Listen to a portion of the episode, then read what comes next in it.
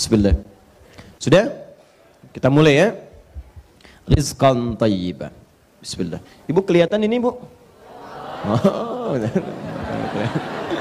belum saya tulis dah kelihatan. Rizki terbaik. Bismillah. Rizki terbaik.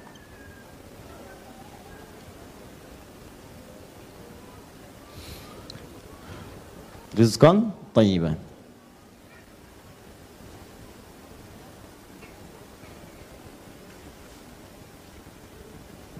Ya, rizqan tayyiban.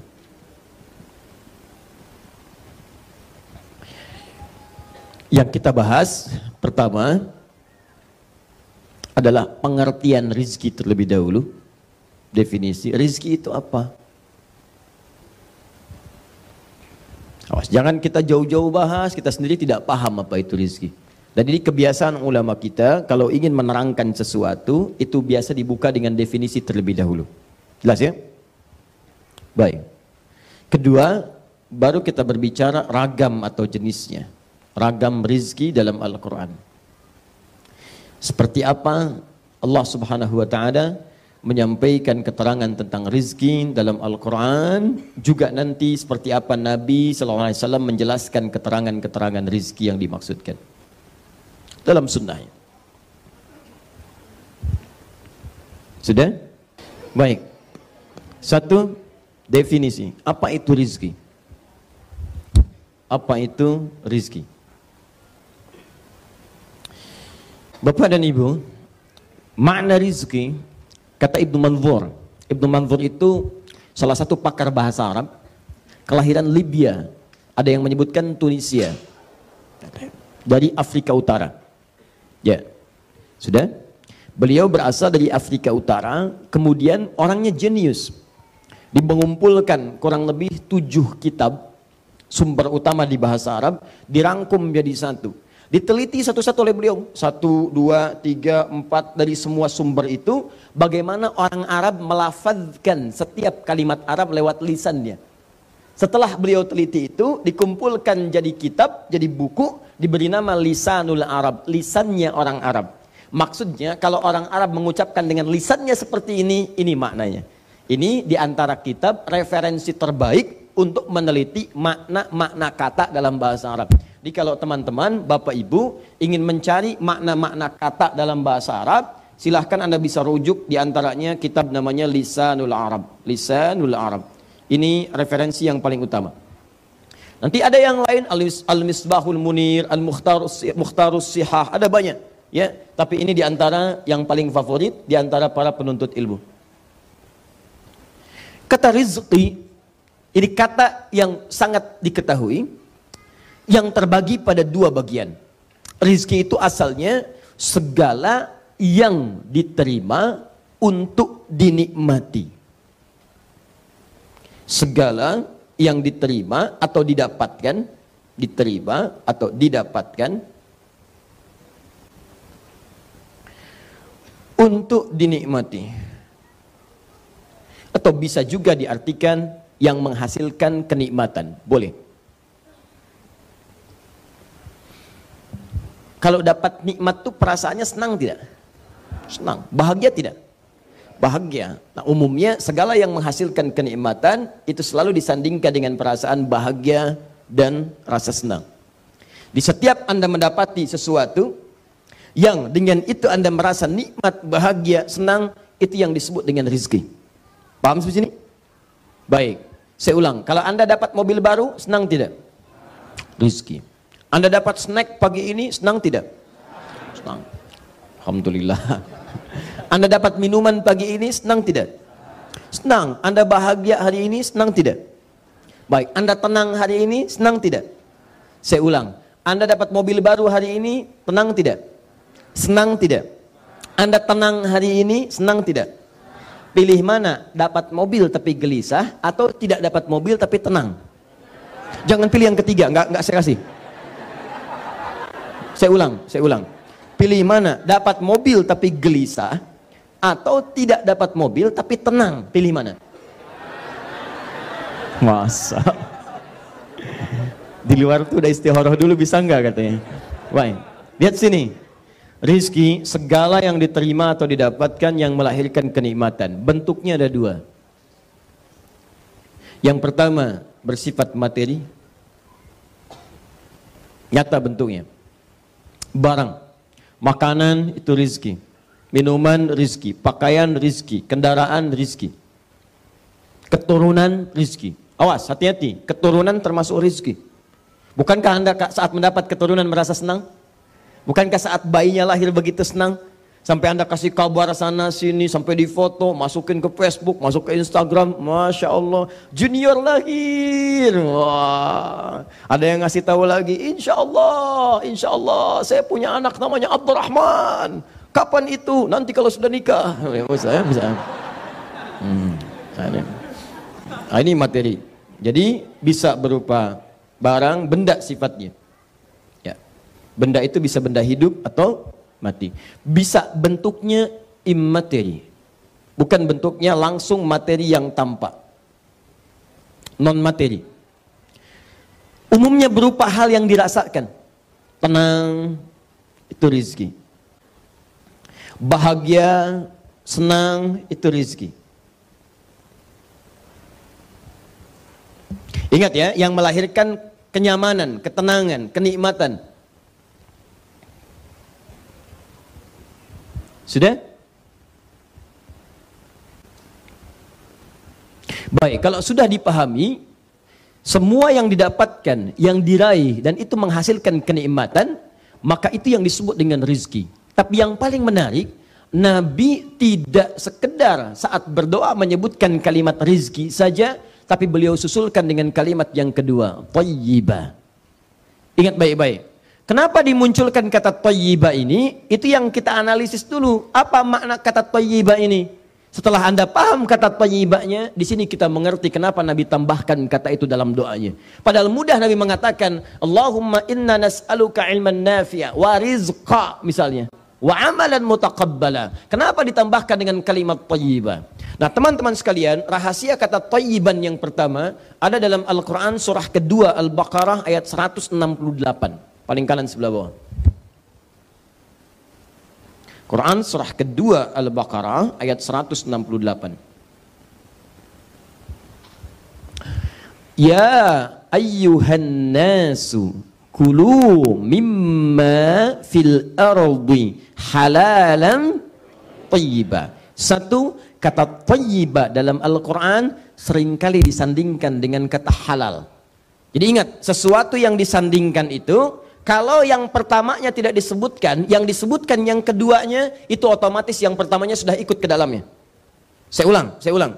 Tolong fokus baik-baik ya. Ini, ini, ini nanti hukum dalam kaidah bahasa. Kalau ada dua kata, misal, Dua kata menyatu. Yang satu dihilangkan. Kalau yang dihilangkan yang pertamanya, yang keduanya disebutkan, ini berarti yang pertama sudah diikutkan di dalamnya. Tanpa harus disebutkan lagi. Contoh.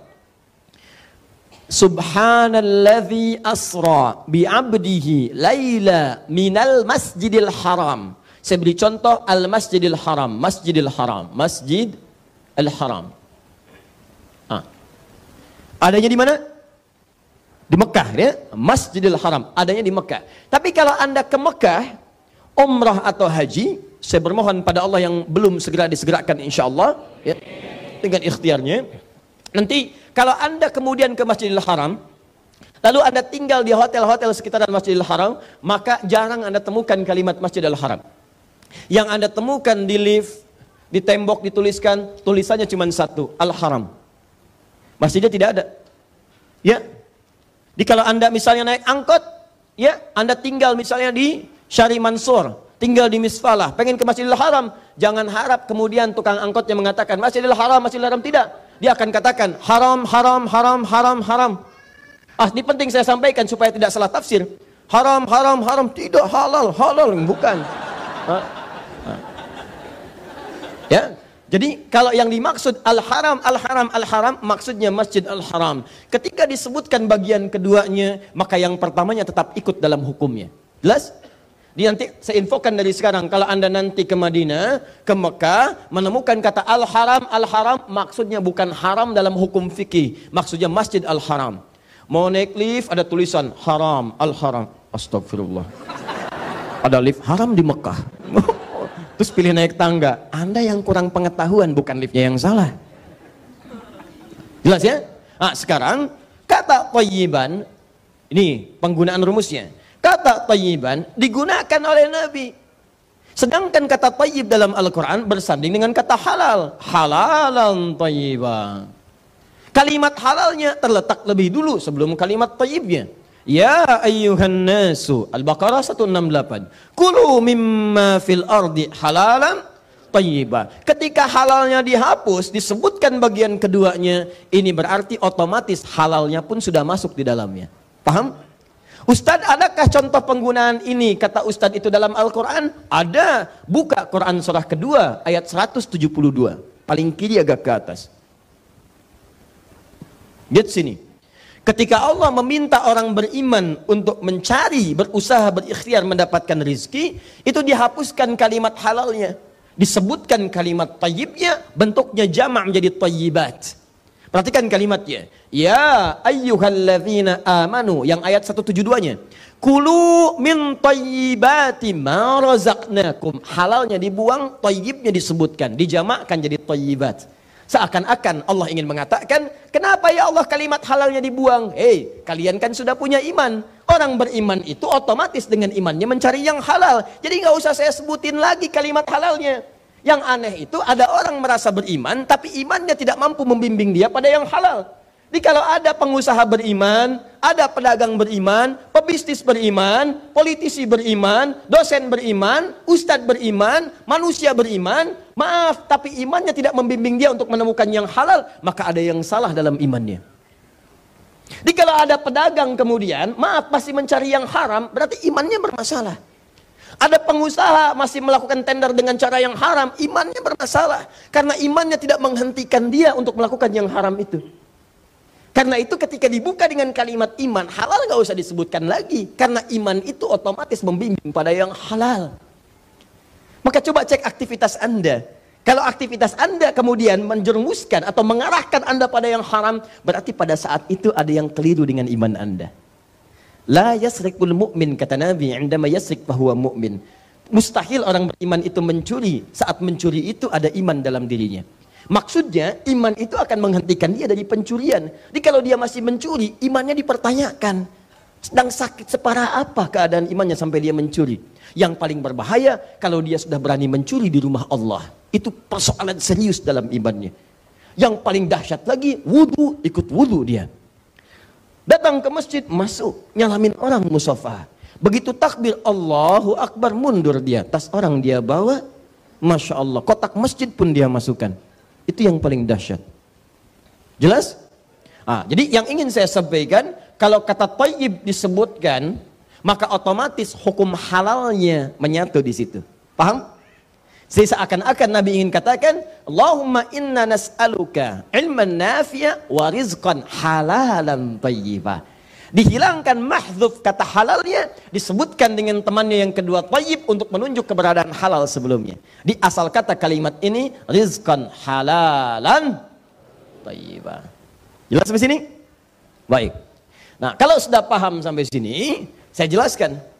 Halal adalah hal yang dibenarkan oleh syariat untuk menunjuk pada cara mendapatkan sesuatu. Jadi kalau kita katakan rizki yang halal, artinya cara mendapatkan rizkinya itu dibenarkan oleh ketentuan syariat. Awas hati-hati, hati-hati. Ada orang misalnya ingin makan, makanan rizki bukan?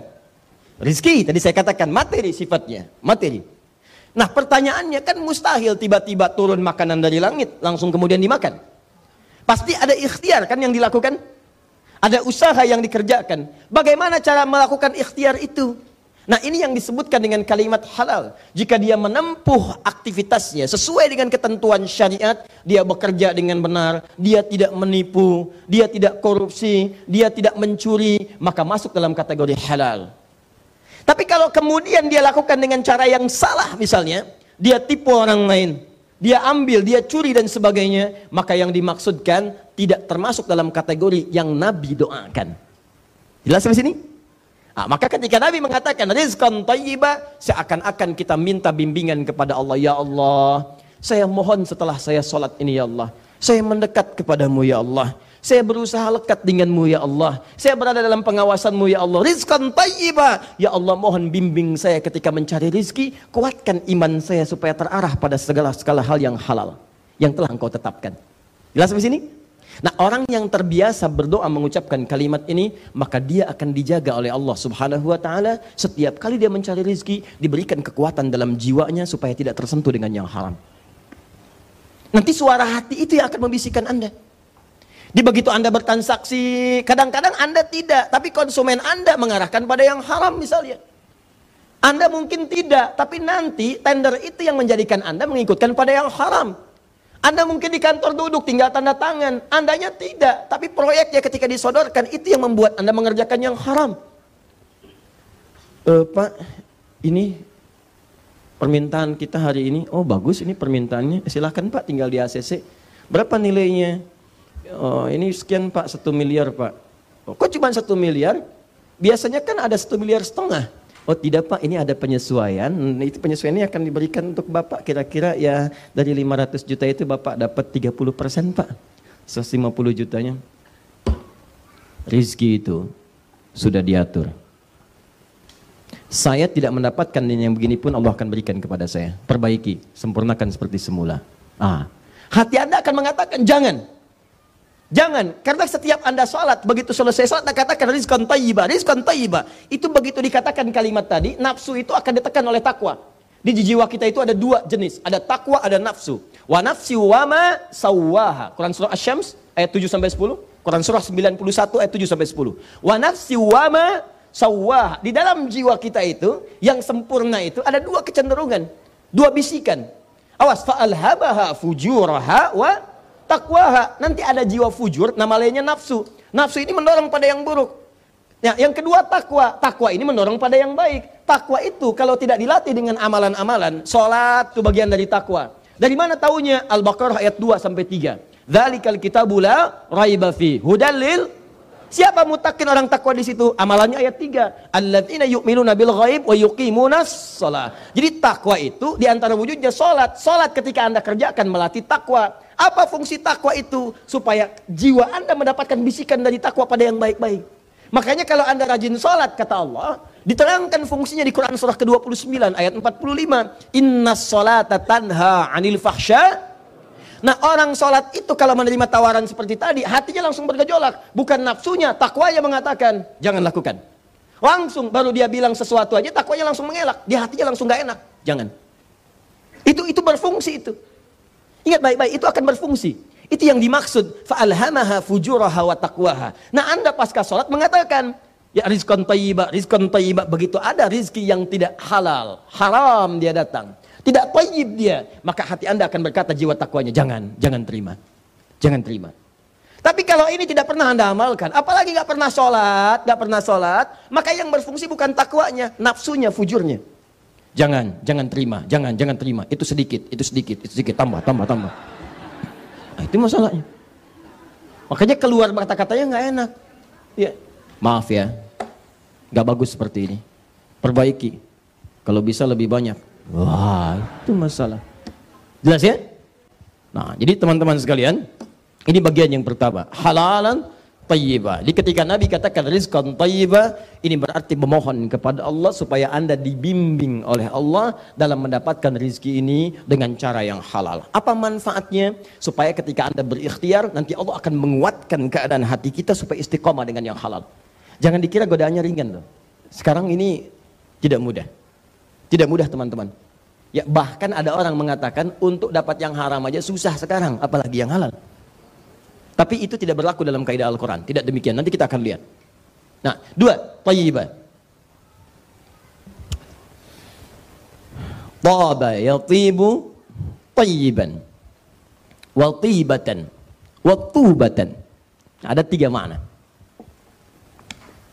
Tiba, taba, tayyibah, tuba. Baik. Tayyiban, kalau dikaitkan dengan rizki, itu artinya segala yang menguatkan dan menyehatkan. Membuat kuat, sehat. secara fisik. Misal, misal ya, maaf ya, maaf sekali, Anda bekerja, sebulan misalnya dapat rezeki. Taruhlah misal saja 100 ribu Anda dapatkan. Lalu 100 ribu itu Anda ingin belikan makanan ya untuk pokok kehidupan. Maka kata Nabi petunjuknya, biasakan rizki yang Anda dapatkan itu tidak harus kemudian dibelanjakan untuk memenuhi semua apa yang Anda inginkan, tidak. Cari dari situ apa yang Anda butuhkan yang bisa menguatkan fisik dan membuat Anda sehat. Jadi kalau mau cari makanan, tidak semua yang Anda inginkan mesti dibeli. Lihat dulu itu menyehatkan nggak buat Anda. Itu membuat fisik kuat atau tidak. Makanya kalau orang Arab ditanya, "Kaifa haluk?" Bagaimana kabarmu? Alhamdulillah ana tayyib. Maksudnya saya sehat hari ini. Saya kuat. Nah, Anda dapat uang berapapun, cari makan, cari makanan yang menyehatkan, bikin Anda kuat. Prinsipnya kebutuhan, bukan keinginan. Ragam itu boleh, warna ungu, warna biru, warna merah, nggak ada masalah. Makanan ini, makanan itu, pengen makan ke nasi padang, boleh. Makan pagi dengan sore, silahkan, pagi, sore. Nah, pindah rasa misalnya, silahkan, siang malam. Pagi sore sudah ada, siang malam ada, cari yang ketiga, begadang. Ada, ya rumah makan begadang. Ya. Baik teman-teman, itu nggak ada masalah menu ini, menu cuman persoalannya menyehatkan tidak. Butuh tidak. Cukup dengan kalimat ini kalau Anda amalkan dalam kehidupan sehat umat Islam itu. Kuat kita. Cuma kadang-kadang keadaan kita itu banyak dirusak oleh keadaan. Tampilan luarnya bagus tapi isinya tidak menyehatkan. Berapa banyak makanan itu dikemas bagus di luaran tapi isinya racun dalam kehidupan. Silahkan cek. Banyak orang terkena penyakit karena dia tidak abai ketika melihat apa yang dia konsumsi. Padahal kata Nabi sederhana, tayyib, tayyib, tayyib, tayyib. Coba lihat cara perilaku kehidupan orang Islam sebagian, kalau tidak semuanya sekarang. Semua pakaian itu dibeli, semua dikoleksi, padahal belum tentu dibutuhkan. Dan itu akan dihisap. Akan dihisap. Coba Anda pulang ke rumah, buka jendela jendela itu. Jendela rumah Anda buka, masuk kemudian perhatikan sekelilingnya, setelah itu balik ke kamar Anda, buka lemari pakaian Anda, cek. Pertanyaan saya satu aja, dari semua pakaian itu pernah nggak ada satu helai pakaian saja yang pernah di, yang belum pernah dipakai ibadah? Belum pernah dipakai sholat. Saran saya segera gunakan itu. Nanti kalau Anda dihisap lebih ringan. Minimal pakaian itu akan berkata kepada Allah, ya Allah saya pernah digunakan untuk sholat oleh orang ini. Jadi biasakan ketika Anda mendapatkan sesuatu yang baru, pakai dulu untuk ibadah. Ada baju baru, gunakan dulu untuk sholat. Sehingga hak Allah terpenuhi. Gunakan itu. Jadi hisap anda ringan. Begitu dihisapkan mulutnya dikunci. Al-yawma nakhtimu ala afwahihim. Fatukallimuna aidihim wa tashhadu. Arjudum bima kadu. Itu, itu bicara benda-benda. Ini baju bicara. Ini karpet jangan dikira nggak bicara. Bicara itu. Ya, nanti ayatnya kita hafalkan. Idza zulzilatil ardu wa akhrajatil ardu wa qala al-insanu Lihat ayat keempat. Yauma idzin tuhadditsu akhbar. Itu dalilnya. Kata Allah, "Idza zulzilatil ardu zilzalaha." Nanti satu saat bumi saya goncang sekuat-kuatnya. Saya hadirkan gempa yang paling dahsyat. Ini, ini saya sering katakan kalimat ini beberapa kesempatan. Kalau kalimat zulzil, zilzal disebutkan sekali, itu artinya gempa dahsyat yang menjadikan bangunan tinggi runtuh ke bawah. Runtuhnya ke bawah. Misal di luar Al-Quran, kalau kalimatnya begini, Idza zulzilatil ard. Misal, sampai situ. Itu artinya gempa dahsyat yang tinggi runtuh ke bawah. Tapi kalimat zulzil kalau disebutkan dua kali, baik bentuknya verb kata kerja, fi'il, ataukah noun kata benda, ism, zilzal misalnya, disebutkan dua kali, maka itu artinya bukan yang atas runtuh ke bawah, yang di bawah naik ke atas semua. Idza zulzilatil ardu. Kata Allah, saat manusia nanti merasakan gempa-gempa itu yang runtuhkan atas ke bawah seperti biasa. Nanti saya datangkan gempa yang tidak biasa. Sekarang orang sudah merasa gempa itu biasa. Dulu saat ada gempa itu zikir langsung tuh zikir astagfirullah la ilaha illallah. La, padahal yang kerasa kecil. Orang-orang daerah mengatakan ada lini, ada lini, ada lini, ada gempa, ada astagfirullah la ilaha illallah. Padahal yang kerasa kecil. Ya, Nanti akan ada masa orang merasa gempa besar pun biasa. Gempa keluar. Udah tenang lagi, masuk lagi. Buka setiap detik gempa di sini sekian, gempa di sini sekian, gempa di sini sekian. BMKG mengatakan akan ada gempa dan orang sudah merasa nyaman dengan itu seakan-akan tidak ada apa-apa. Nanti Allah datangkan gempa yang membuat setiap orang merasakan kedahsyatannya. Sama dengan teori hidup. Kalau Anda diberikan peringatan oleh Allah lewat yang kecil belum paham, kasih yang sedang. Belum paham, kasih yang besar. Belum paham, dikasih yang dahsyat yang membuat Anda tidak berkutik lagi. Maka Allah katakan wa akhrajatil ardu athqalaha. Maka saat gempa itu terjadi, semua yang dikandung bumi itu naik ke atas. Baru manusia berkata, wa qalal insanu malaha. Baru setiap orang mengatakan, ini kenapa ya? Ini kenapa ya? Kenapa? Kamu ke mana aja? Baru di situ Anda tahu bahwa setiap apa yang kita kerjakan itu ada manfaatnya. Di karpet akan bicara, ya Allah, ketika si fulan sedang senang-senang di luar, sambamu ini yang Allah menduduki aku. Dan dia fokus ya Allah untuk menyimak mempelajari ketentuan syariatmu. Semua akan bicara. Papan tulis bicara, penghapus bicara. Ya Allah, saya bersaksi ketika itu taklim saya digunakan untuk menghapus. Yang pakai saya ustadznya aja, jamaahnya nggak ada yang bantuin. Misal, dia misal, misal, misal. Nah. Itu bisa terjadi. Ah, ah, paham sampai sini? Ah, jadi maksud saya, coba dari setiap apa yang kita dapatkan itu, yang Allah titip titipkan kepada kita. Lihat kalimat saya. Dari setiap apa yang Allah titipkan kepada kita dan kita dapatkan itu semua, maka pastikan cari dengan cara yang halal dan gunakan dengan prinsip kebutuhan. Akhirat saya butuh enggak? Nah kalau hidup seperti itu enak. Ini kalau walaupun Anda dapatkan dengan cara yang halal, tapi setiap keinginan ingin diwujudkan itu Nabi tidak menyukainya. Dosa sih enggak, cuma Nabi enggak suka. Kenapa Nabi enggak suka? Itu bisa membuat Anda capek dalam hidup. Udah nyarinya susah, memang halal, cuma nanti pencariannya lebih banyak. Karena lebih banyak waktu ibadah Anda terbuang. Uh, papa, Mama pengen pakaian baru pak, yang kemarin udah nggak cukup. Ya udah, yuk cari. Kapan nyarinya? Besok ya pak. Di mana mama mau nyari? Di Paris ya pak? Paris. Tinggal di Ciamis, pengen nyari di Paris. Tuh. Berangkatnya berapa lama ke sana? Di jalan kepake waktunya banyak, habis kebuang. Biasa baca Quran, biasa zikir, sekarang mulai ngantuk, kena jet lag. Nyampe sana, tokonya tutup. Balik lagi. Coba lihat, berapa ini ini mungkin contoh yang paling ekstrim, yang sederhana kan gampang. Pengen makan, ada dekat rumah, pengen ke jauh-jauh. Itu kan sesekali nggak ada masalah, anda bawa keluarga nggak ada masalah. Yang kadang-kadang tidak masuk akal itu dalam suasana tertentu masih menginginkan sesuatu yang jauh, padahal yang dekat ada. Tuh. Nasi goreng malam-malam, nasi goreng. Ah, di luar lewat tiga nasi goreng bolak-balik tak tek tok tak tek tok tak tek tok nggak dibalik.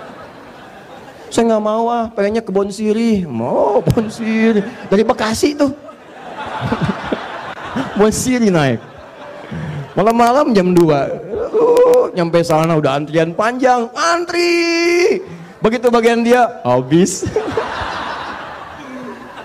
Capek habis. Tahajud gak kepake, segalanya kepake, habis tuh capek. Jadi Nabi itu peka sekali. Kalau di Quran surah At-Taubah itu, di ujung-ujung ayatnya itu itu dilukiskan dengan kalimat yang sangat indah. Laqad ja'akum rasulun min anfusikum azizun 'alaihi ma 'anittum harisun 'alaikum bil mu'minina raufur rahim. Kata Allah Nabi itu sangat peduli dengan kita, merasakan kehidupan kita itu. Berat rasa bebanmu. Kalau bisa beliau ingin menanggungnya supaya kalian merasa ringan dalam hidup. Rasulullah. Rasulullah SAW. Jadi ketika Nabi berkata seperti ini, sebetulnya beliau tuh berharap, ya Allah bimbing umat saya supaya nggak capek hidupnya. Supaya tenang hidupnya, supaya damai kehidupan itu.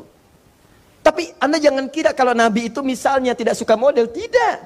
Pakaiannya bagus, tampilannya bagus, sendalnya kadang dipakai dari Yaman, biasa. Tapi sesuai dengan aspek kebutuhan, silahkan. Anda nggak sama, nggak ada masalah. Ibu punya koleksi pakaian satu warna hijau, dua kuning, tiga biru, nggak ada masalah. Cuma prinsipnya butuh nggak. Dan itu akan menghiasi keindahan dalam rumah tangga. Begitu akan misalnya ke pengajian, ibu tanya pada ayah, pada suami, Pak, Mama pakai yang mana ya? Hijau atau yang biru? Masya Allah, kan indah tuh. Kata suami, yang hijau bagus mah, ah kayaknya yang biru deh pak. Tuh. Itu kadang-kadang begitu pak. Dia tuh nanya tapi udah punya jawaban. Itu yang bikin kita susah. Masih mending kalau dipakai, begitu keluar kuning.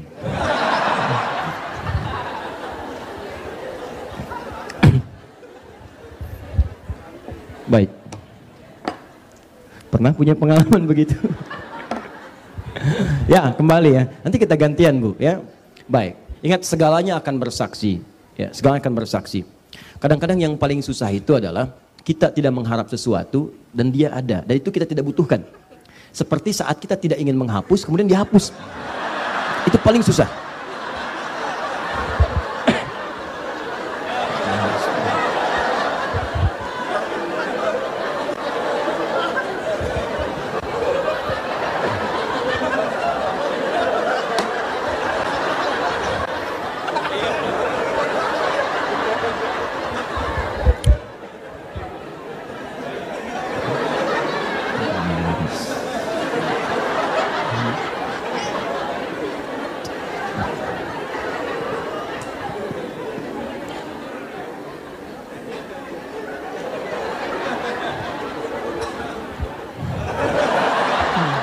Ya, lihat sini.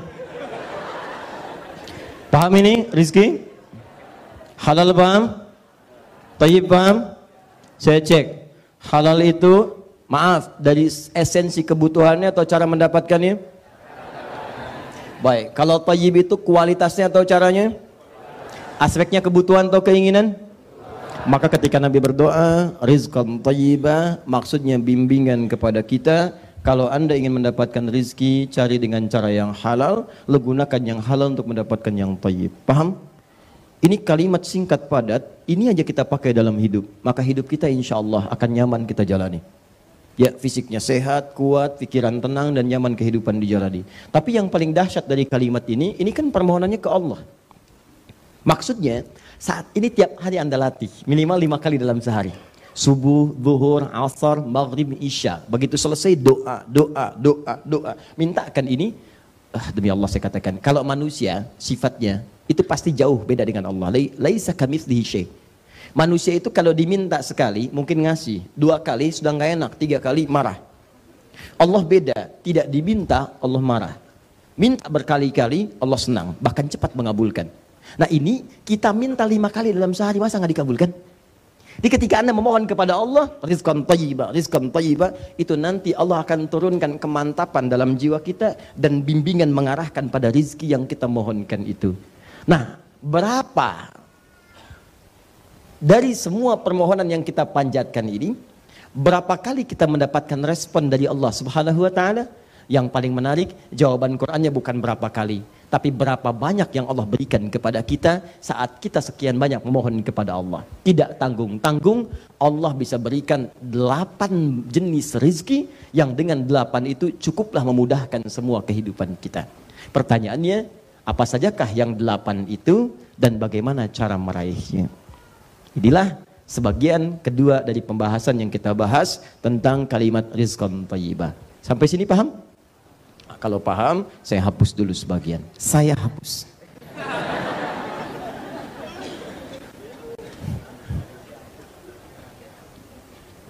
Bismillah. Ya.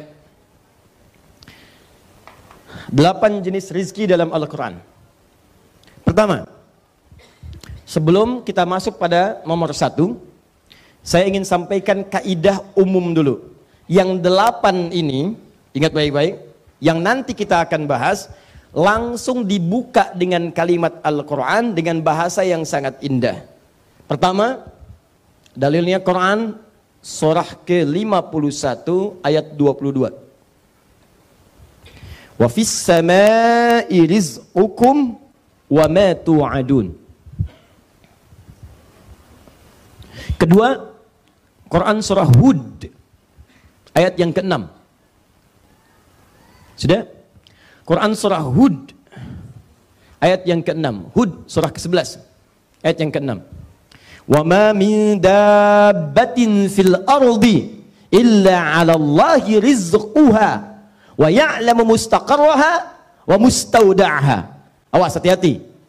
Dan setiap makhluk di bumi, bahkan binatang yang melata pun, melata yang kecil-kecil, yang gerakannya lambat, gitu kan? Yang seakan-akan orang katakan nih dapat rezeki nggak nih ya dari jauh dah lambat lambat lambat lambat lambat belum tentu bisa dia dapat eh kata Allah Kamu jangan duga semua makhluk, bahkan binatang melata yang paling kecil pun saya telah tetapkan rizkinya. Keterangan pertama kata Allah, semua rizki itu sudah diatur oleh Allah subhanahu wa ta'ala. Semua makhluk pasti mendapatkan sesuai kadarnya. Jadi kedua, Quran surah ke-11 ayat 6. Hud ayat 6. Kesimpulannya, rizki telah tetap dan terukur. Masya Allah.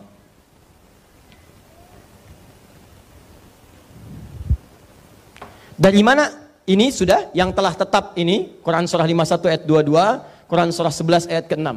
Yang kalimat terukurnya Anda temukan di Quran surah Al-Ghasyiyah. Ingat? Maaf, Al-A'la. Quran surah Al-A'la ayat yang ketiga. Sabbihisma rabbikal alladhi khalaqa Ah, ayat tiganya, walladzi qaddara fahada. Maka dialah Allah yang telah menetapkan ukuran dari segala hal. Di antara makna ukuran itu kata para ulama tafsir adalah ukuran dari rizki. Rizki kita sudah terukur. Jelas sampai sini? Baik, jadi rizki setiap makhluk apalagi manusia itu sudah tetap dari Allah Subhanahu wa taala dan sudah terukur nilainya. Baik. Kapan itu ditentukan oleh Allah? Buka kemudian hadis yang paling cepat lihat Al-Arba'in saja. Ini karena banyak dikaji di sementara komunitas-komunitas pengajian. Buka Al-Arba'in nomor hadis yang keempat. Hadisnya dari Abdullah bin Mas'ud radhiyallahu taala anhu. Hadis riwayat sahabat Ibnu Mas'ud Abdullah bin Mas'ud. an Abi Abdurrahman ya Abdullah bin Mas'ud radhiyallahu taala anhu qala qala Rasulullah sallallahu alaihi wasallam wa huwa as-sadiqul masduq ya inna ahadakum yujma'u fi batni ummihi 40 yawman nutfah kata Abdullah bin Mas'ud radhiyallahu taala anhu bersabda Nabi sallallahu alaihi wasallam sedangkan beliau pribadi yang sangat jujur benar dan dibenarkan Beliau itu benar, jangankan kawan, lawannya pun membenarkan. Maksud kalimat ini, kalau lawan-lawan Nabi saja membenarkan, masa Anda umatnya tidak meyakini? Di keterlaluan kalau ada umat Nabi tidak meyakini Nabi, lawannya aja mengiyakan. Masa umatnya enggak? Nah, ingat itu ya. Kalau ada bahasa seperti ini, as-sadiqul dalam hadis itu artinya hadis yang disampaikan berisi informasi gaib yang kadang kita tidak mengetahuinya. Baik, apa kata Nabi? Inna ahadakum yujma'u fi batni ummihi arba'ina yawman nutfah. Setiap kalian akan dihimpun di perut ibundanya dalam fase penciptaan 40 hari pertama berbentuk nutfah pancaran spermatozoa dengan ovum berproses. Kemudian 40 hari yang kedua berbentuk alaqah, zigot yang menempel di dinding rahim. Thumma yakunu mithla dhalika mudirah. 40 hari ketiga 120 hari, 4 bulan berbentuk mudirah. Segumpal daging keratan, mulai ada bentuk terlihat. Malak. Maka 40 hari ketiga ini 120 hari diutuslah seorang malaikat, malak. Ya. Fayanfukhu fihi ruh. Dengan izin Allah dia ditugaskan meniupkan roh. Wa yu'maru bikatbi arba'in dan diperintahkan untuk menetapkan empat hal. Empat hal. Yang pertama bikatbi rizqihi. Rizkinya ditetapkan. Jadi usia empat bulan di kandungan. Sejak kandungan. Sejak di alam rahim. Rizki yang disebutkan ini ditetapkan bagi si fulan. Misal, si fulan akan lahir. Empat bulan di kandung ibunya. Dalam empat bulan itu rizkinya mulai ditetapkan oleh Allah Subhanahu Wa Taala. Ukurannya jelas. Sampai dia wafat. Ingat di Al-Bukhari disebutkan tidak mungkin seseorang itu wafat kecuali hatta tastaufiya rizqaha sampai dia mendapatkan semua ketetapan dan ukuran rizkinya. Di ketika Allah tetapkan usia kandungan 4 bulan misal si fulan sesuai dengan maslahat hidupnya. Bukan masalah kaya atau cukup, sesuai dengan maslahat hidupnya. Yang dengan bekal itu dia bisa dekat kepadaku kata Allah. Dia ibadahnya bisa maksimal, dia bisa masuk surga, maka ditetapkan misal 100 miliar sampai meninggal. Cuma sifatnya gaib dirahasiakan. Sifat rizki rahasia. Tidak dibuka. Sebab nanti kalau dibuka, Anda tidak akan nyaman menjalani kehidupan. Nggak enak, nggak semangat Anda. Misal, nama siapa? Mas? Ya? Iman. Dengan imannya yang kuat terdorong untuk mengambil penghapus. Misal. Mas Iman rizkinya misal, misal saja satu miliar. Hari ini sampai jam 9 lewat seperempat udah ngambil 999 juta 999 ribu rupiah. Tinggal berapa? Seribu. Sedangkan rumus dalam hadis, ah, 999 juta 999 ribu rupiah. Tinggal seribu. Rumus dalam hadis rizki ini kalau sudah didapatkan semuanya maka dia bersanding dengan kematian wafat dia. Makanya di hadisnya setelah rizki kemudian baru ajalnya. Ya rizqaha kemudian wa ajaliha. Baru kemudian ajalnya. Ajal itu batas hidup. Ingat beda antara umur dengan ajal. Kalau ajal batas hidup. Buka Quran surah ke-7 ayat 34 walikulli ummatin ajal fa idza jaa ajaluhum la yastakhiruna sa'ata wa la yastaqdimun. Setiap umat manusia kita itu punya ajal batas hidup ajal nih sampai sini misal. Kalau sudah sampai ajalnya maaf nggak bisa maju nggak bisa mundur. Jangan berpikir bunuh diri nggak ada kerjaan. Yang mau bunuh itu nggak ada kerjaan. Karena nggak bunuh diri pun kalau sudah meninggal ya meninggal aja. Nggak ada kerjaan. Anda berusaha kalau belum datang ajal nggak akan meninggal juga minum baygon satu kontainer. Ajal belum datang, nggak akan meninggal. Cuma nyiksa diri aja, capek, sakit, sakit, sakit, sampai meninggal. Meninggalnya nggak saat itu. Di nggak usah nyari sesuatu yang sudah diatur. Mikirkan sesuatu yang di, sudah diatur, itu nggak ada kerjaan, buang-buang energi. Sama dengan mencela yang sudah terhina, itu buang-buang energi. Ingin dipuji pada sesuatu yang tidak layak. Katanya pujian milik Allah, Anda pengen dipuji, itu buang-buang energi. Sama, mikirin matahari yang sudah jelas terbit di barat. Bikin status, hari ini matahari, ma maaf terbit di timur, tenggelam di barat. Bikin status, hari ini matahari terbit di timur. Nggak ada kerjaan. Nggak ada kerjaan. Jangan memikirkan sesuatu yang sudah diatur. Jelas sampai sini? Baik. Nah, kembali uh, yang tadi kan sudah saya ralat. Oh, jangan dipotong videonya. Dalam satu kajian Ustaz Adi Hidayat menyebutkan matahari terbit di barat. Oh, Masya Allah. Terus muncul Ustadz Bid'ah. Oh. Sini sini. Jelas ya? Paham sampai sini? Ah ini. Jadi rizki itu pertama telah tetap, yang kedua telah terukur. Kenapa saya buka dengan ini dulu sebelum yang delapan? Anda mesti paham, kalau Anda sudah mengerti ini, maka Anda tidak akan pernah tertarik mengambil rizki orang. Dicukup orang Islam itu paham kaidah ini, maka tidak akan pernah ada pencurian. Gak akan ada korupsi. Karena rizki kita itu telah ditetapkan, gak akan berubah. Jadi Anda mencari dengan yang haram pun gak akan nambah, gak nambah. Tetap segini. Tetap tidak akan berubah. Jadi gak ada kerjaan kalau ada orang terpikir ngambil, berbuat curang, gak ada kerjaan. Demi Allah saya katakan gak ada kerjaan. Ya, karena gak akan berubah, dia tetap dan terukur, jelas. Jika Anda ngambil yang lain, itu cuma akan dibalikin lagi kalau nggak sekarang besok.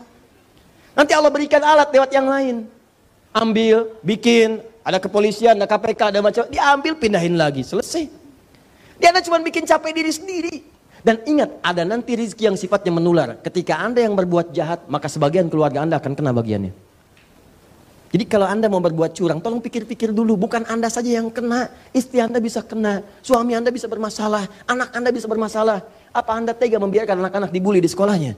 Dan disebutkan anak seorang koruptor, anak seorang pencuri, anak maling. Anda mikir dulu. Jadi kalau Anda ingin berbuat curang bukan hanya bermasalah dengan Allah, keluarga Anda pun akan kena masalah. Dan kalaupun Anda tidak mencari dengan cara yang haram, cukup dengan yang halal, rezekinya tidak akan berubah. Tapi yang berbeda keberkahannya. Itu yang berbeda. Jadi jangan mau kalau ditawari dengan hal, hal yang curang, karena itu tidak akan pernah merubah keadaan. Paham sampai sini? Ya, jadi cukup saya jelaskan kalimat ini yang bersumber dari Al-Quran, maka orang beriman tidak akan berpikir untuk mencari yang salah dalam kehidupan pencarian rezekinya. Ini gambaran pertama. Jangan takut teman-teman sekalian, rezeki kita sudah diatur. Yang belum jelas itu surga kita. Ya, sekarang kita bicara keberkahan. Kalau sudah paham ini, kita bicara keberkahan. Ya, ini ini tidak mudah ini. Banyak, tapi mencarinya, mencarinya dengan cara yang haram, maka haram akan menggugurkan keberkahan di dalamnya. Tapi Anda dapatkan dengan cara yang halal, Walaupun cuma sedikit terlihatnya, ketika muncul banyak berkahnya, maka di situlah fungsinya akan Allah lipat gandakan. Sehingga seakan-akan Anda tidak membutuhkan yang lain kecuali yang Anda pegang saja. Saya tanya pada Anda, jika Anda mendapatkan 100 ribu berkah, dan ditawari 100 juta tidak berkah, Anda pilih yang mana? 100 ribu berkah atau 100 juta tidak berkah?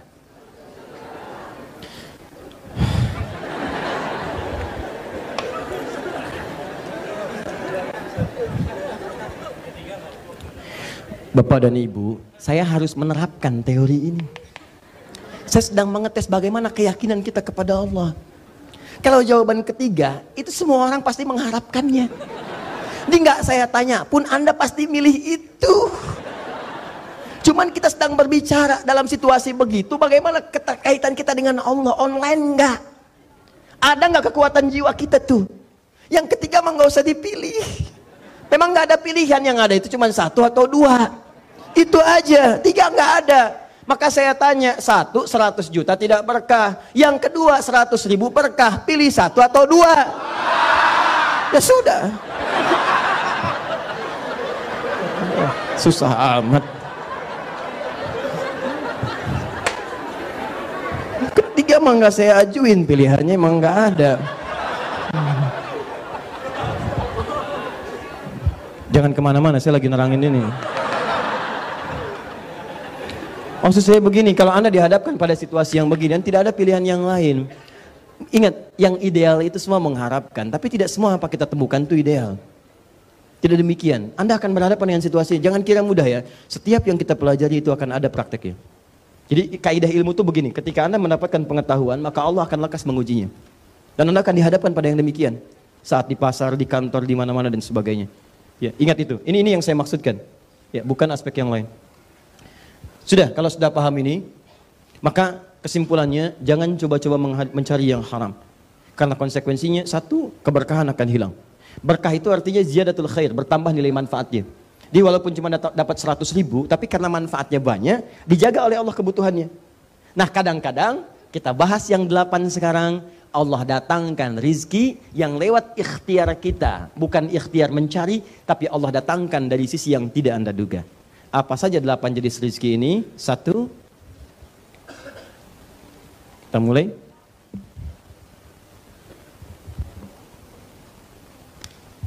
Sudah? Rizki yang diikhtiarkan secara fisik. Rizki yang diikhtiarkan secara fisik. Bekerja, gitu kan? Berusaha, beraktivitas. Dalilnya Quran surah 53. Quran surah 53 An-Najm ayat 39. Wa allaysa lil insani illa ma sa'a. Ini rizki yang terkait dengan usaha, ikhtiar. Ikhtiar yang dimaksudkan pencarian secara fisik atau bahasa kekiniannya kerja. Dalilnya Quran surah ke-53 An-Najm ayat ke-39. Wa allaysa lil insan. Ingat?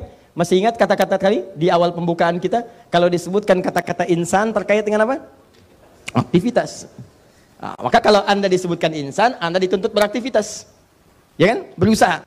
Wa allaysa lil insani illa ma sa'a. Sa'a, sa'a, sa'a. Sa'a yas'a sa'yan. Artinya usaha. Ini. Uh, kalau misal Anda umrah, atau menunaikan haji misalnya. Kemudian pertama datang, maka walaupun yang haji itu pasti pertama datang kalau tamattu dia umrah dulu. Di umrah ini ada tiga yang paling utama selain niat ketika mikot dilakukan. Pertama tawaf, setelah tawaf apa? Sa'i. Setelah sa'i, tahallul.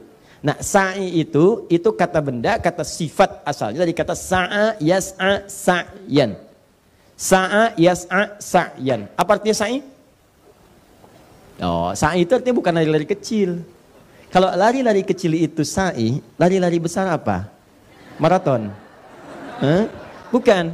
Itu kuncinya saya kasih clue-nya tadi di Quran surah 53 ayat 39. Sa'a yas'a sa'yan. Usaha yang sungguh-sungguh yang serius itu disebut dengan sa'i. Sa'i itu usaha yang serius, pencarian yang sungguh-sungguh. Jadi kalau Anda ingin dapatkan rizki kata Allah, silakan menyebar, cari usaha yang serius. Itu rumus pertama. Di Allah tebarkan rizki. Satu, dua, tiga. Tebarkan. Kadang di tempat yang tidak kita singgahi di situ. Kalau Anda ingin mendapatnya, silakan menyebar. Makanya banyak Anda temukan ayat-ayat dalam Al-Quran. Dalam Al-Quran meminta kita menyebar untuk mencari rizki. Misal, yang paling banyak berkahnya, paling banyak keutamaannya, paling banyak peluangnya hari Jumat. Jumat itu hari baik, banyak orang kumpul, tinggal Anda lihat di mana mereka berkumpul. Nah, ketika mereka kumpul, banyak kumpul, menyebar, kumpul. Setelah Anda tunaikan sholat Jumat, kata Allah, buka Quran surah Al-Jumu'ah. Surah ke-62 itu. Ayat yang ke-10, paling kiri agak sedikit ke atas. Idza qudiyatis salatu fantashiru fil ard. Kalau Anda sudah selesai Jumatan kata Allah, lihat peluang. Maksud peluang di situ bukan cuma sekedar Jumatnya saja. Maksudnya kalau Jumat itu kan banyak orang. Habis Jumatan kan menyebar tuh, menyebar ke mana-kemana. Orang menyebar, keperluannya banyak. Ada yang lapar, ada yang pengen pakaian, ada yang pengen minuman, ada yang pengen macam-macam. Itu cuma contoh aja. Dalam bahasa Quran itu, zikrul ba'di yuradu bihil kullu. Dalam kaidah bahasa Indonesia, sinekdok pas prototo. Disebutkan sebagian yang dimaksud keseluruhan. Lawannya sinekdok totem pro parte. Disebutkan keseluruhan yang dimaksud sebagian. Jumat itu cuma contoh. Maksudnya nyebar nih. Kalau anda temukan banyak peluang di situ untuk mencari rezeki, datangi, sebar, cari, dapatkan peluangnya. Jangan diam. Rizkiku sudah diatur, nanti juga datang sendiri. Eh. Nih, saking adilnya Allah. Semua diberi perangkat untuk mendapatkan rezekinya. Anda bergerak, rezeki datang. Tahu cicak? Iman? Cicak. Cicak itu apa makanannya? Nyamuk. Satu, cicak. Makanannya nyamuk. Lihat bagaimana Allah adil sekali. Cicak rezeki makanannya nyamuk. Cicak bagaimana aktivitasnya? Merayap. Nyamuk bagaimana? Terbang. Pertanyaan saya, cicak punya sayap gak? Tidak. Kalau kita nalar pakai akal, nggak ketemu nih. Yang mau makan merayap. Yang punya makanan punya sayap. Itu kalau nyamuknya punya sifat jenius, jadi mainan cicak. Cak, makan, makan. Susah. Tapi dengan izin Allah binatang nggak dikasih akal. Binatang tidak diberi akal, cuma terbang aja dia yang ini dia tahu kalau saya ikhtiar Allah pasti kasih. Orang tua kita tuh nggak banyak dalil, cuma disusun jadi bait-bait ketemu. Cicak, cicak di diam-diam. Perhatikan, cuma diam-diam dia merayap. Diam-diam tenang. Ah. Datang seekor ketika dia memutuskan untuk berikhtiar merayap walaupun cuma diam-diam, perhatikan, bukan cicak yang mendatangi nyamuk, nyamuk yang mendatangi cicak. Saya ulang. Cicak-cicak di diam-diam. Perhatikan, datang seekor nyamuk. Jadi bukan cicaknya yang mendatangi nyamuk, nyamuknya yang datang. Jadi kalau Anda mau ikhtiar, Allah dekatkan rizkinya. Yang dituntut dari Anda itu ikhtiar, cicak aja dapat. Masa Anda enggak? Cicak enggak punya akal, rizkinya bisa dapat. Masa Anda yang punya akal enggak dipakai untuk mendapatkan rizki? Anda bergerak, rizki datang. Cicak merayap cuman diam-diam datang seekor nyamuk. Selanjutnya silahkan. Tuh. Ah, jadi ini yang pertama nih. Nah, jadi yang pertama, Anda nggak usah khawatir nggak kebagian rezeki. Anda berikhtiar, Anda berikhtiar, Anda dapat. Dan dahsyatnya ini yang mau saya sampaikan. Dahsyatnya, kenapa Allah mewajibkan kita berikhtiar untuk mendapatkannya? Karena setiap ikhtiar itu, itu pasti akan bersanding dengan ujian. Sedangkan rumus ujian bersanding dengan pahala. Di sebetulnya mudah bagi Allah menyampaikan pada Anda, nih makan, nih makan. Cuman ketika Anda dapat, Anda nggak dapat pahala dari kesabaran Anda. Kapan kita tahu kita sabar kalau nggak diuji dengan proses? Kapan Anda bisa berkembang jadi lebih kreatif? Muncul ini, teori ini, teori itu, teori marketing, teori ini, teori macam-macam. Bagaimana bisa berkembang kalau nggak diberikan proses? Itu hikmahnya. Bukankah dalam setiap titian itu ada doa? Dibuat sedikit susah, sedikit mudah bagi Allah memudahkan Anda dapat. Coba dibuat berliku begini supaya malam Anda tahajud. Hei fulan, kamu ini ke mana aja? Aku harus paksa begini supaya kamu datang di malam hari. Udah siang-siangnya bebas berkeliaran, malamnya tidur enak, sampai turun surah Al-Muzammil. Apa artinya Al-Muzammil? Orang yang berselimut. Apa artinya Al-Mudathir? Orang yang berselimut. Jadi kalau sama-sama berselimut, kenapa nama suratnya beda? Dithar, mudathir, berselimut, itu yang dimaksud selimut yang melindungi dari sesuatu hal yang mengancam. Jadi kalau Anda merasa terancam atau tidak nyaman, Anda gunakan selimut untuk bersembunyi. Ya, ah, itu disebut dengan dithar. Orang yang disebut dengan mudathir. Kenapa suratnya disebut dengan al-mudathir? Buka di Al-Bukhari.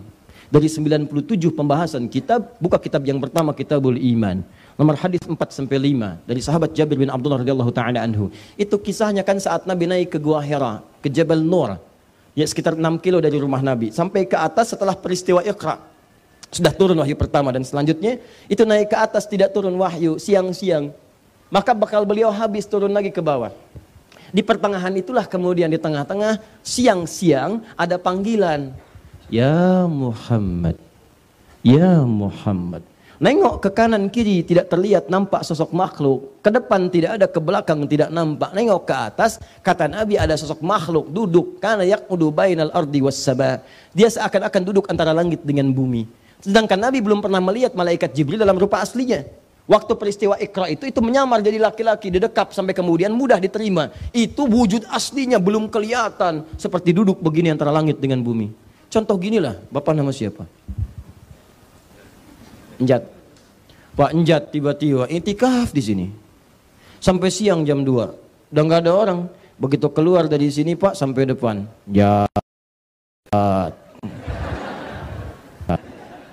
Nengok kanan kiri nggak ada orang, depan belakang kosong. Begitu ke atas terlihat Allah, nampak sosok makhluk, jubah putih, rambut kemudian agak panjang. Ngelihat, jat. Pertanyaan saya, respon Bapak bagaimana? Hah? Jat. Apa? Mustahil.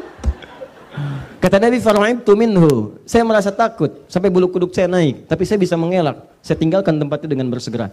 Pulang ke rumah. Begitu sampai rumah ucapkan Assalamualaikum. Disambut dibuka pintu oleh Sayyidah Khadijah tercinta. Waalaikumsalam. Begitu dilihat. Masya Allah. Memandang wajah Sayyidah Khadijah, tenang hatinya. Dibawa, genggam tangannya. Kata Nabi, Zammiluni, Zammiluni, selimuti saya. Selimuti saya. Begitu diselimuti, keluar kata-kata yang indah dari lisan Sayyidah Khadijah. Maka nampak semua ketenangan. Demikian tipikal istri salihah. Jadi kalau suami sedang tidak tenang di luar rumah, ibu tenangkan di rumah. Jangan suami nggak tenang di luar rumah, ibu kasih bencana di rumah.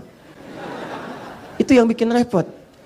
Nah, secara singkat begitu sudah diselimuti, berlindung dari situ karena takut nanti melihat makhluk tadi, maka tiba-tiba kemudian sudah merasa tenang dengan perkataan Sayyidah Khadijah, turunlah kemudian wahyu, ya.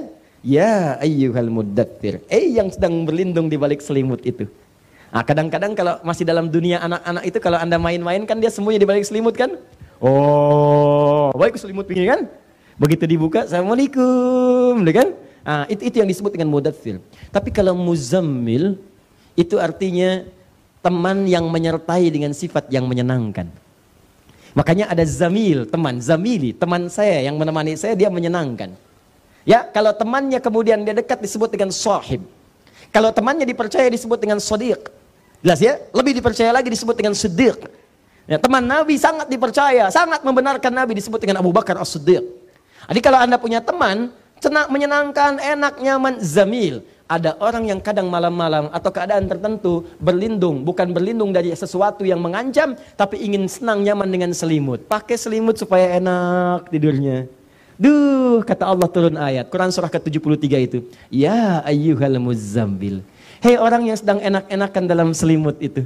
Kumin layla illa qalila. Ayo coba bangun malam. Nisfahu awinkus minhu qalila. Walaupun cuma sedikit. Auzid alaihi warattilil Qur'an tertila. Atau tambah juga sedikit lagi, katanya pengen ke surga. Innalaka fin nahari sabhan tawila. Kamu ini aneh, katanya pengen ke surga. Surganya Firdaus, siang-siang sibuk beraktivitas. Malam-malam begitu enak tidur dengan selimut. Cita-cita surga, Firdaus lagi. Kamu ini gimana? Atau aku yang harus bagaimana? Inna nasyi'atal laili hiya asyaddu wa. Bangunlah sedikit. Malam itu kalau kamu bangun sentuhannya ke jiwa begitu dahsyat. Perkataannya mudah untuk diresapi. Itulah al-muzammil. Tapi yang mau saya katakan, rizki yang pertama, dia tidak akan pernah terungkap ketika Anda tidak berikhtiar mencarinya. Jadi pesan di Al-Quran cuma satu, Anda berikhtiar, Anda dapat. Ikhtiar aja. Dan kadang-kadang bukan berarti keluar langsung dapat, bukan.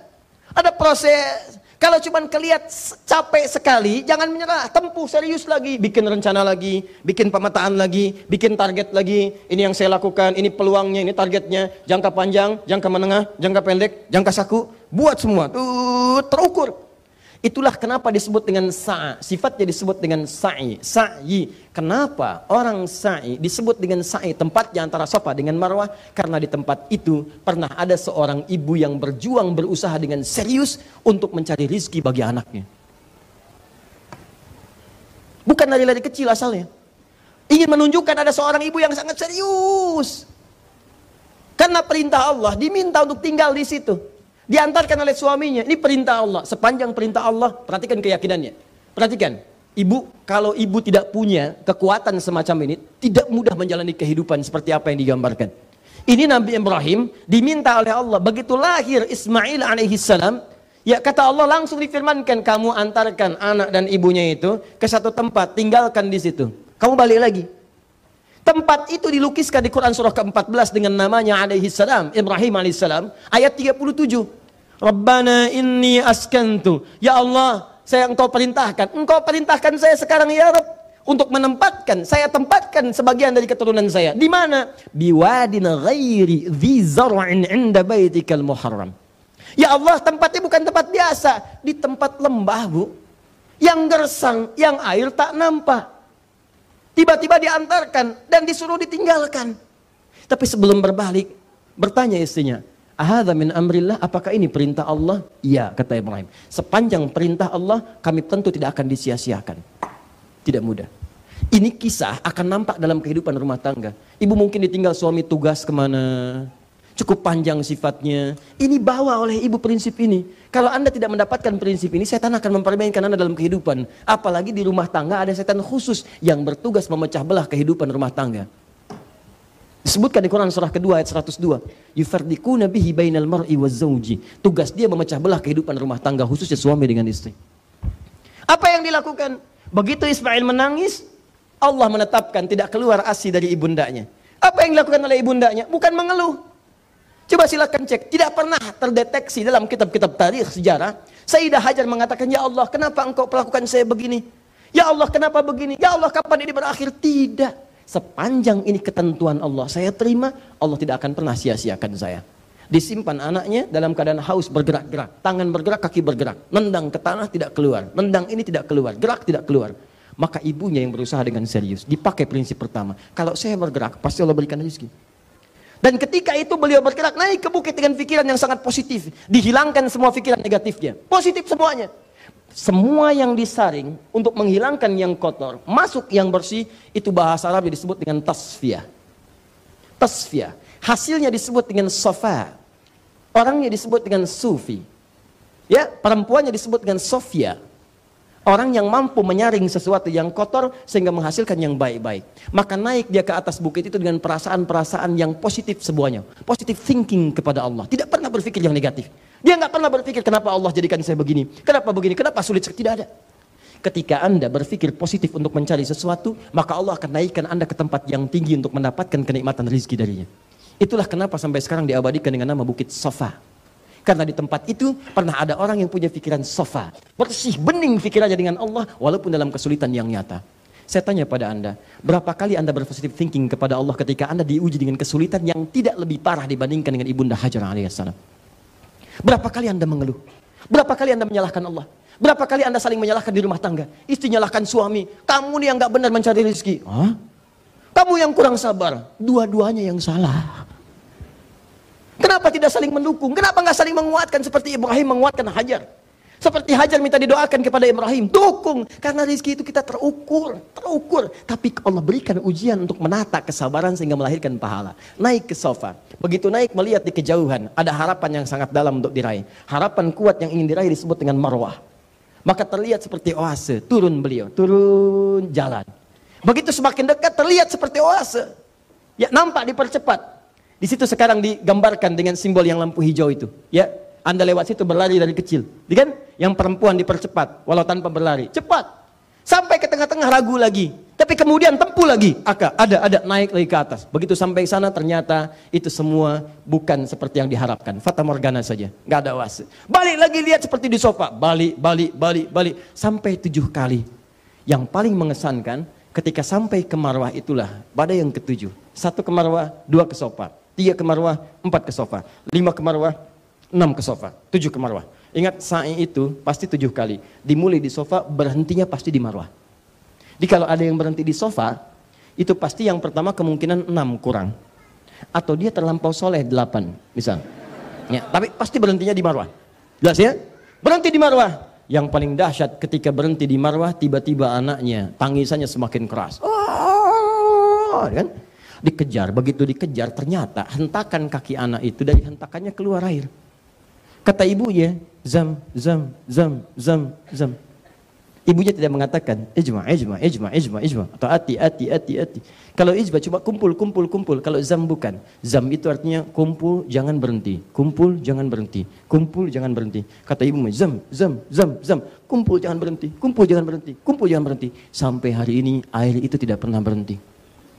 Dan bukan hanya sekedar cukup untuk Ismail alaihissalam dan ibundanya alaihissalam, tapi untuk semua keturunannya bahkan sampai umat manusia kekinian. Berapa abad sudah terlewati? Kita saja ke Nabi Muhammad itu 15 abad. Nabi Muhammad ke Nabi Ismail 29 generasi. Setiap generasi bisa ribuan tahun.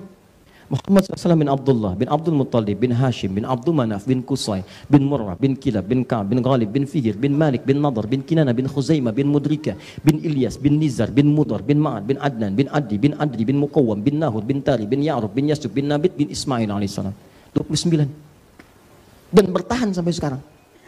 Pertanyaan saya, maaf, maaf ya, Siapa yang berusaha keras untuk mencari air itu? Ibunya. Siapa yang dapat airnya?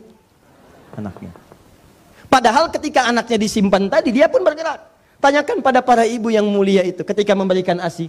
Apakah kalau seorang anak merasa kehausan ingin mendapatkan ASI, tangannya diam? Tidak. Pasti bergerak. Kakinya bergerak. Apalagi kalau lama nggak dikasih bergerak. Kan saat ibunya bolak-balik itu anaknya bergerak. Tangan bergerak, kaki bergerak. Kenapa air gak keluar? Kenapa zam-zam nggak ada? Yang ada itu ketika ibunya bolak-balik, bolak-balik, bolak-balik, bolak-balik. Kok tiba-tiba muncul pada saat itu? Begitu perih usaha, usaha ibundanya. Naik turun, maksimal dia. Tiba-tiba hentakan yang selanjutnya. Begitu sampai di Bukit Marwah, keluar. Yang usaha ibunya, yang dapat rizki anaknya. Coba bayangkan. Saya mau belajar yang pertama dulu. Kesimpulan pelajaran yang pertama, ketika Anda berikhtiar teman-teman, itu boleh jadi mungkin bukan satu pertama kali ikhtiar. Yang ketujuh kali itu baru Allah berikan. Yang enamnya itu bukan gak ingin ngasih. Tapi Allah ingin berikan pahala buat antum. Tuh doa yang diperbanyak itu. Sekali ikhtiar belum dapat bukankah tahajudnya nambah?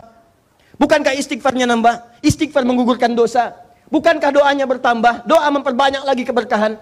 Dia Allah ingin mengampuni dosa antum lewat istighfar. Sebab kalau nggak dipaksa begitu dosanya semakin banyak. Sedangkan Allah punya sifat sayang.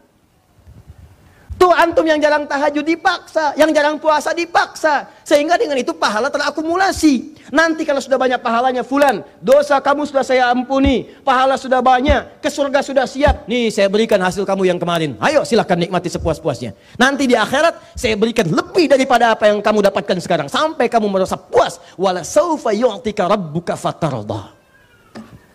Akan diberikan oleh Rabbu sampai kamu ridha dengan semuanya itu. Itu maksudnya.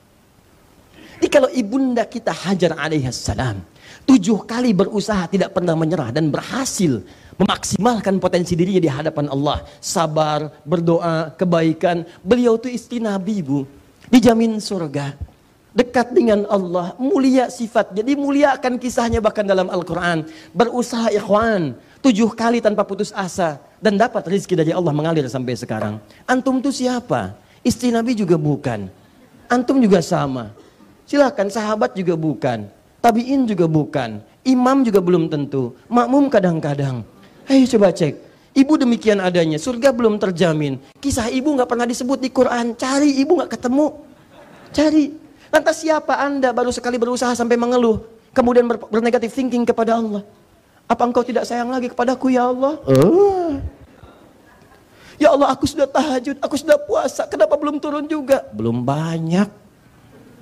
Ayo, ayo, naikkan lagi, naikkan lagi. Itu yang dimaksudkan. Paham sampai sini? Nah, kalau anda mengerti tentang ini, apalagi nanti rizki di rumah tangga, cukup suami berikhtiar, maka Allah datangkan rizki sekeluarga. Jelas? Nah, jadi jangan berputus asa anda ketika berikhtiar, karena ketika Allah tetapkan Allah akan jamin. Cuma mungkin kadang-kadang anda mesti naik turun, kadang di atas seperti di sofa, kadang turun ke bawah, kadang datar, kadang mesti naik lagi. Itu biasa, itu gambaran. Setiap hari kita berusaha. Kalau sehari nggak dapat, hari kedua. Hari kedua nggak dapat, hari ketiga. Itu yang dimaksud dengan sa'i tujuh kali bolak-balik. Tawaf berkeliling tujuh kali dalam sehari. Tujuh hari dalam sepekan. Terus cari, cari, cari dengan maksimal. Itu yang dimaksudkan dengan rizki yang pertama. Ada yang kedua.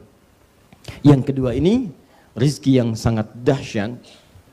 Karena ketika satu orang berusaha, yang lain yang mendapatkan bagiannya. Satu. berusaha, yang lain dapat semua. Apakah rizki yang kedua ini? Itulah yang akan kita bahas di pertemuan selanjutnya.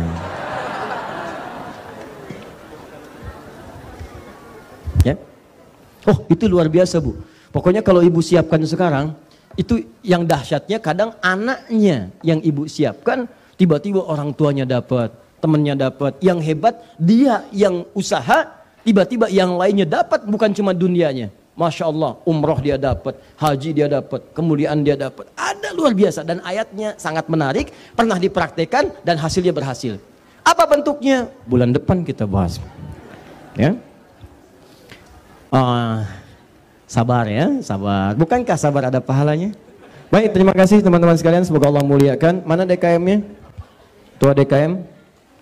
Saya titip ini atau nanti saya titipkan Pak Surya. Insya Allah nanti bagi yang berminat tinggal diambil dari beliau. Subhanakallahumma bihamdika asyhadu an la ilaha illa anta astaghfiruka wa atubu ilaik. Assalamualaikum warahmatullahi wabarakatuh.